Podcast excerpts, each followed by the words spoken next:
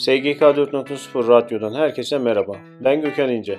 Bugün 15 Nisan 2022 Cuma günü. Şu anda Çalışma Hayatının Sesi programının 62. bölümünü dinliyorsunuz. Çalışma Hayatının Sesi programını dinleyerek güncel gelişmeleri takip edebilirsiniz. Çalışma Hayatının Sesi programında özet olarak dinlediğiniz gelişmelerin detaylarını e-posta bültenimiz aracılığıyla tüm üyelerimize gönderiyoruz. Bültenimize SGK 4.0 internet sitesini ziyaret ederek üye olabilirsiniz. LinkedIn, Facebook, Twitter ve Instagram üzerinden de bizleri takip edebileceğinizi hatırlattıktan sonra programımıza başlıyorum. Resmi Gazete Sağlık hizmet sunucularının basamaklandırılmasına dair yönetmelikte değişiklik yapılmasına ilişkin yönetmelik resmi gazetede yayımlandı. Hap gündem Sağlık Bakanı Fahrettin Koca, Bilim Kurulu haftaya en önemli toplantılarından birini yapmış olacak. Okullarımız başta olmak üzere maske uygulamasını da bilim kurulu haftaya değerlendirmiş olacak dedi. Tüm Eczacı İşverenler Sendikası Genel Başkanı Nurten Saydan, koronavirüs nedeniyle yurttaşların sağlık hizmetine erişiminde aksamaları engellemek amacıyla Sağlık Bakanlığı'nın bütün raporların sürelerini bir yıl sonuna kadar uzattığını ancak Sosyal Güvenlik Kurumu'nun 15 hastalık grubunu uygulama dışı bıraktığını açıkladı. Ekonomi Koordinasyon Kurulu Cumhurbaşkanı Yardımcısı Fuat Oktay başkanlığında toplandı. Toplantının ardından yapılan açıklamada ürün takibinin anlık olarak yapılmasına imkan sağlayacak yeni dijital bir sistem kurulması yönünde karar alındığı belirtildi. İş gücü piyasası Bilgi Danışma Kurulu Yürütme Komitesi toplantısı yapıldı.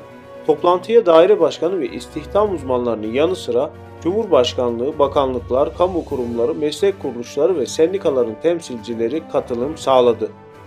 Sandık emeklilerine de ikramiye talebi.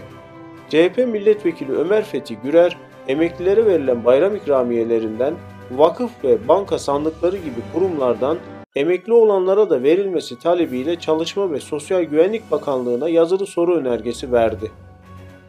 Türkiye Emekliler Derneği'nden 1100 TL bayram ikramiyesinin enflasyon rakamları oranında arttırılarak en az 2500 TL'ye yükseltilmesi talebi geldi. Tekstilciler 10.000 kişiyi işe almayı hedefliyor. ZSİAD Yönetim Kurulu Başkanı Sartık, son 6 ayda ilçede faaliyet gösteren tekstil ve hazır giyim işletmelerinin istihdamının 45 bine çıktığını belirterek 2022'nin kalan bölümünde en az 10 bin kişiyi daha işe almayı hedefliyoruz dedi. Yatırım dünyası ve girişimcilik Ankara Ticaret Odası Yönetim Kurulu Başkanı Gürsel Baran, Koç Holding'in Ankara'da kurmayı planladığı batarya üretim tesisi yatırımının başkent ve ülke ekonomisine önemli katkılar sağlayacağını belirterek başkent ekonomisi yatırımla, ticaretle, turizmle sağlam temeller üzerinde büyümeye devam ediyor dedi. İstihdam teşvikleri, destekler ve programlar.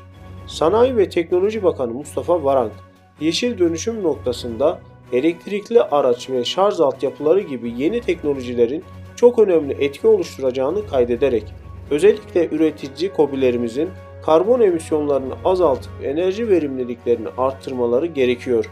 COSGAP aracılığıyla KOBİ enerji verimliliği destek programını başlatıyoruz dedi. Yüksek hızlı şarj istasyonlarının Türkiye'de yaygınlaşmasını sağlamak üzere bir destek programı hazırladıklarını belirten Bakan Varank, inşallah hafta başında bu çağrıyı yayınlamış olacağız. 81 ilimizin tamamında 1500'den fazla yüksek hızlı şarj istasyonunun kurulmasına yönelik toplamda 300 milyon liralık hibe desteği vereceğiz. Böylece bir yıl içinde tüm Türkiye'yi şarj istasyonları ile donatmış olacağız dedi.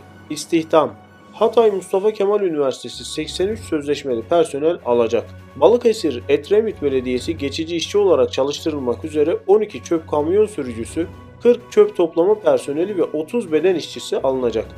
Eskişehir Kentaş geçici işçi olarak çalıştırılmak üzere 8 gondol sürücüsü alacak. Eskişehir Belkent geçici işçi olarak çalıştırılmak üzere 15 garson alınacak. Tekirdağ Çorlu Belediyesi geçici işçi olarak çalıştırılmak üzere 20 beden işçisi alınacak. Denizli Peraş geçici işçi olarak çalıştırılmak üzere 30 vasıfsız işçi alınacak. Sivas Sarkışla Belediyesi 12 işçi alacak. Sivas Sarkışla Belediyesi 12 personel alacağını duyurdu. Sendikalardan haberler. TSK ve emniyetli örgütlü Savdesen'den maaşlarda iyileştirme için sessiz çığlık eylemi. Savdesen Başkanı Tuncay Cengiz, Artan enflasyon karşısında çalışanların maaşlarının arttırılması, 3600 ek göstergenin tüm çalışanlar için düzenlenmesi, emekli maaşı bağlama oranlarının yükseltilmesini talep ettiklerini belirtti.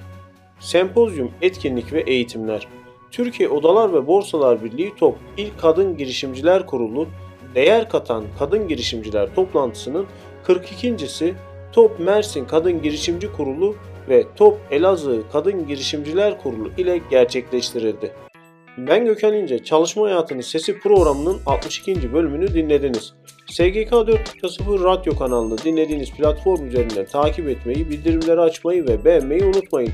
Radyo kanalımızda yer alan gelişmelerin detaylarına e-posta bültenimiz aracılığıyla ulaşabilirsiniz. SGK 4.0 internet sitesini ziyaret ederek e-posta bültenimize ücretsiz üye olabilirsiniz. Bir sonraki yayında görüşmek üzere.